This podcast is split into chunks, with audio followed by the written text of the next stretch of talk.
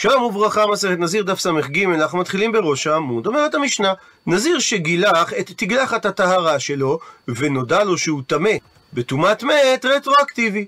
אז אם מדובר על טומאה ידועה, זאת אומרת שהיו אנשים שידעו שיש שם טומאה בשעה שהוא נטמע. דינו ככל נזיר שנטמע במהלך הנזירות, ולכן הוא סותר את ימי הנזירות. ואם הוא נטמע בטומאת התהום, כלומר שנודע לו שבמקום מסוים שהוא עבר, הייתה טומאת התהום, והכוונה שלא היה אדם בעולם שהיה מכיר אותה. במקרה כזה הדין שהוא אינו סותר את הנזירות שלו. טומאת התהום היא טומאה מונחת במקום שאינו ידוע לאף אדם בעולם, ולכן היא מכשילה את האנשים העוברים מעליה, ונטמעים מבלי לדעת שנטמעו בטומאת מת, וחלים עליהם דיני טומאה וטהרה. שם המונח נלקח מכך שטומאה מונחת בתהום היא בהגדרה טומאה שאין אדם בעולם היודע ממנה, אבל דינים אלו תקיפים בכל טומאה שככל הנראה לא ידע בה אף אדם בעולם, כמו למשל מת שטמון באדמה. לעומת זאת, מת שנמצא במים ובכל מקום גלוי אחר, אין הנטמע בו נחשב לנטמע בטומאת התהום, מכיוון שיש להניח שאנשים ידעו על הימצאו במקום גלוי זה. אבל, אם עד שלא גילה את שערו נודע לו שהוא נטמע, אפילו אם הוא כבר הביא את קורבנותיו, הדין שבין כך ובין כך, בין אם הוא נטמע בטומאה ידועה, בין אם הוא נטמע בטומאת התהום, הדין שהוא סותר את ימי נזירותו, כי הלכה למשה מסיני, שדין טומאת התהום לא סותרת את ימי הנזיר, דווקא כשנודע לו אחר שהוא גילח את שערו. אבל אם נודע לו קודם שגילח את שערו, למרות שמדובר בטומאת התהום, הדין שהוא סותר את ימי הנזירות. הוא מבאר את המשנה כיצד דין טומאת התהום. אדם שירד לטבול במערה, והוא לא היה טמא מת, אלא הוא ירד לטבול שם בשביל טומאת שרץ, ונמצא לאחר זמן כזית מת שצף על פי המערה. וממילא יש ספק אם היה כזית מן המת בתוך המערה בשעה שהוא טבל שם, ואם כך, הוא נטמע בטומאת אוהל שהרי הוא היה בתוך המערה בשעה שהיה שם כזית מן המת, או אולי שמא לא היה שם כזית מת בשעה שהוא טבל. אומרת המשנה שהדין שהוא טמא, משום שזה ספק טומאה ברשות היחיד שספקו טמא. וזה לא נחשב לטומאת התהום, שכיוון שזה צף על פני המים, אין שום דבר מכסה עליה, ולכן זה נחשב כטומאה ידועה. אבל אם נמצא כזית מהמת משוקע בקרקע המערה, אז ודאי שזה נקרא טומאת התהום. ועכשיו הדבר תלוי מה הסטטוס של הטובל. אם הנזיר ירד למערה כדי להכר, זאת אומרת כדי לקרר עצמו במי המערה, ונודע לו לאחר גילוח הטהרה שהיה שם את המת המשוקע כנגד פי המערה, הדין שהוא טהור, מפני שזו נקראת טומאת התהום. אבל אם הוא ירד למערה כדי להיטהר מטומאת מת, ואחר כך נודע לו, אפילו לאחר שהוא גילח את שערו, הרי זה טמא, שחזקת טמא טמא וחזקת טהור טהור, שמעמידים אותו בחזקתו הראשונה. אם הוא היה טמא הוא נשאר טמא, ואם הוא היה טהור הוא נשאר טהור, מפני שרגליים לדבר. שזה ביטוי שנתנו חז"ל בהלכה לאומדנה מתבססת על צירוף של שני מקרים שנראה כי יש קשר ביניהם והם עשויים להורות על מעשה מסוים או על תופעה מסוימת. כלומר, מסביר התוספות, שטעם גדול יש לומר בדבר, שאדם שהיה בחזקת טמא נשאר טמא, שהואיל והוא בחזקת טומאת מת, אז לא הותרה טומאת התהום אצלו. מה שאין כן אדם שהיה בחזקת טהור מטומאת מת, שאם הוא נטמע בטומאת התהום, הוא נשאר בחזקת טהור. ושואלת הגמרא, מנענה מילי, מה המקור לכך שטומאת התהום אינה סותרת נזירות? עונה על כך, אמר רבי אלעזר, המקור לכך דאמר קרא, שכתוב בפסוק נקרא בפנים, שכתוב לעניין טמא מת, וכי ימות מת עליו בפתע פתאום, וטימא ראש נזרו, וגילח ראשו ביום טהרתו, ביום השביעי יגלחנו. והמילה עליו היא מילה מיותרת, ודורש אותה רבי אליעזר, שמדובר דווקא בטומאה במחוברת לו. אבל אם לא מדובר בטומאה ידועה, אלא בטומאת התהום, הוא לא צריך לסתור את נזירותו. ריש לקיש לעומת זאת אמר שהמקור לדברים זה מה שאמר קרא. כתוב בפסוק, נקרא בפנים, לעניין אדם שלא יכול היה להקריב קורבן פסח. דבר אל בני ישראל לאמור, איש איש כי יהיה טמא לנפש, או בדרך רחוקה לכם או לדורותיכם, ועשה פסח לאדוני. ומהסמיכות בפסוק, בין טמא לנפש לבין מי שהיה בדרך רחוקה, למד ריש לקיש שהטומאה היא כי, דהיינו כמו, דרך. מה דרך? מדובר בגלוי, אף כל בגלוי. כך שמדובר על טומאה גלויה ולא על טומאת התהום. ואומנם הפסוק מדבר על קורבן פסח, אבל כבר למדנו שבכל מקום דין נזיר ודין עושה פסח זהה. מקשה הגמרא לפי הגרסה של מסורת הש"ס, ואלא הדתניא, הרי שנינו בברייתא, וזוהי טומאת התהום, כל שאינו מכירה אפילו אדם אחד בסוף העולם. אבל אם יש שמכירה אדם אחד בסוף העולם, אין זו טומאת התהום. עד לכאן לשון הברייתא ומקשה הגמרא. בישלמה למאן דאמר, נוח לי להבין את דעתו של ריש לקיש, שהוא אומר שלומדים את דין טומאת התהום מהסמיכות לפסוק כי דרך, כמו דרך שהיא דבר גלוי, ככה אדם שנטמע בטומאה גלויה, לא יכול להקריב את קורבן הפסח. אז לשיטה הזאת שפיר. מובן מה שאמרה הברייתא, שאם אדם אחד מכירה בסוף העולם, זה לא נחשב טומאת התהום. אלא למאן דאמר, שזה רבי אלעזר, דאמר שהמקור לדין טומאת התהום זה איתור המילה עליו, שממנה הוא דרש שנזיר סותר את נזירותו רק אם מדובר בטומאה במחוברת לו. אז אם כך קשה, מדוע אמרה הברייתא שאפילו כי מכירה אדם אחד בסוף העולם, זה נחשב טומאת התהום? שהרי מה יהווה? מה בכך שיש מישהו שאיפשהו שמכיר את הטומאה הזאת? הרי האדם עצמו לא הכיר את הטומאה. ותו ועוד מקשה הגמרא גם על רבי אלעזר וגם על ריש לקיש. הדתניא, הרי שנינו בברייתא, אדם המוצא מת מושכב לרוחבה של דרך, באופן כזה שכאשר הוא עבר שם הוא ודאי העיל על הגופה. אז בתרומה הוא יהיה טמא ואסור לו לאכול אותה, אבל בנזיר ובעשיית פסח הוא יהיה טהור. זאת אומרת, שאם הוא עבר שם בשעה שהוא היה נזיר, ואחר כך הוא גילח את שערו, הוא לא סותר את ימי הנזירות, ואותו דבר אם הוא עבר שם לקראת עשיית הפסח, והקריבו עליו את קורבן הפסח על דעת זה שהוא טהור, הוא לא צריך לחזור ולעשות את הפסח. עד לכאן לשון הברייתא, ומקשה הגמרא, מה ישנה? מדוע יש הבדל בין תרומה לבין נזיר ועשיית פסח? אלא בהכרח צריך לומר שדין טומאת התהום גמר הגמיר אלה. זה דין שנלמד במסורת הלכה למשה מסיני, וקיבלו אותו רק לעניין נזיר ועושה פסח שטומאת התהום אינה מטמאה אותם, אבל לעניין תרומה לא קיבלו את הדין הזה. ומשום כך קיים ההבדל בברייתא בין תרומה לבין נזיר ועושה פסח. ציטוט מהמשנה, אם עד שלא גילח את שערו, הסתבר לו שהוא נטמע, בין אם זה טומאה ידועה, בין אם זה טומאת התהום, הדין שהוא סותר את ימי הנזירות. ושואלת הגמרא, מן תנא?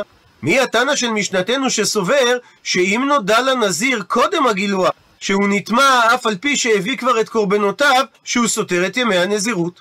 עונה על כך, אמר רבי יוחנן, רבי אליעזרי, דאמר, כפי שראינו בדף מ"ו, שתגלחת הנזיר מעכבת אותו מלשתות יין ומלהיטמא למתים, מה שתואם לדברי המשנה שלנו, שאפילו אם היא נוטמע בטומאת התהום בשלב הזה, הוא צריך לסתור את נזירותו, שהרי הוא עדיין נזיר. וממשיכה הגמרא הבאה, שאל רמי בר חמא את השאלה הבאה. נזיר שנטמע, בין בטומאה ידועה, בין בטומאת התהום, בתוך מלות, דהיינו בתוך ימי נזירותו, ונודע לו על כך רק לאחר מלות, רק לאחר שהוא סיים את ימי הנזירות. מהו הדין במקרה הזה? הוא מבאר, רמי בר חמא את שאלתו, האם בתר ידיעה אז לינן? האם הזמן הקובע זה הזמן בו נודע לו על הטומאה, וידיעה זו הייתה אחר מלותי? או שאולי לא הולכים אחרי שעת הידיעה, אלא אחרי הזמן שבו ידוע שהוא נטמע. ולמי נפקא מינה? למסתר.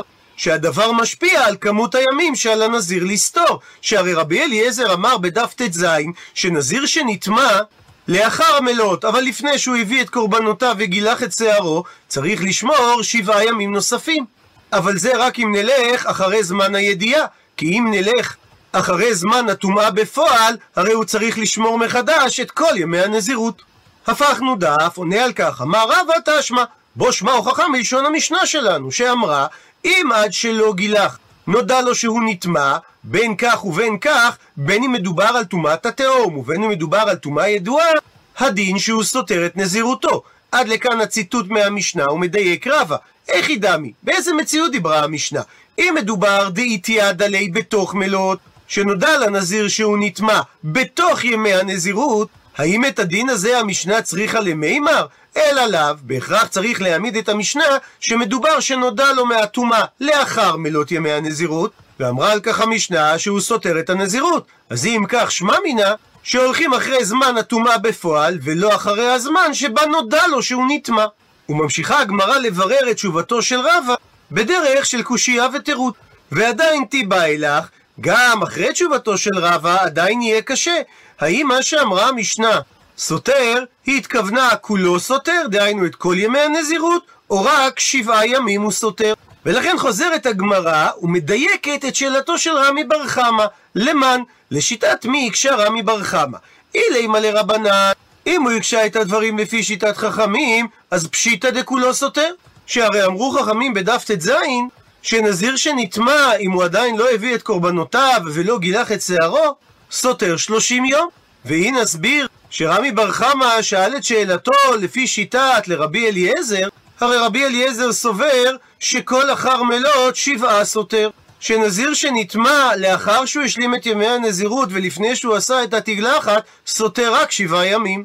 מבארת הגמרא שכך היה אומר לך רמי בר חמא, שלעולם הוא שאל את שאלתו לפי שיטת רבי אליעזר. והסתפק רמי בר חמא, הני מילי מה שאמר רבי אליעזר, שנזיר שנטמע לאחר מלות סותר שבעה ימים, האם זה דווקא כי נטמע אחר מלות? לעומת זאת וה... והרי במקרה שלנו מדובר שהוא נטמע לפני מלות. או דילמה או אולי שאני האחה, שונה כאן עדי מהמקרה הרגיל של נזיר שנטמע בתוך ימי מלות, מפני דידיעה אחר מלותי, שהולכים אחרי זמן הידיעה מהטומאה ולא אחרי זמן הטומאה בפועל. עד לכאן הבהרת השאלה של רמי בר חמא, ועכשיו חוזרת הגמרא להסביר את תשובתו של רבא.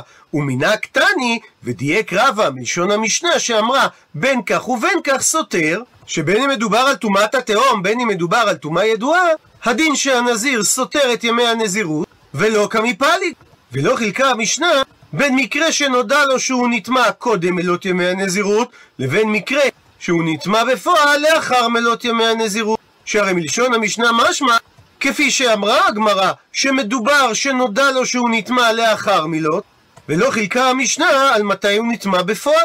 ומפני שהעמדנו את המשנה כשיטת רבי אליעזר שאמר שנזיר שנטמע לאחר מלות סותר שבעה ימים בלבד, אז בהכרח שכך הדין אפילו כאשר מדובר שהוא נטמע בתוך מלות והדבר נודע לו רק לאחר מלות. מה שבהכרח אומר שהולכים אחרי שעת הידיעה ולא אחרי שעת הטומאה בפועל.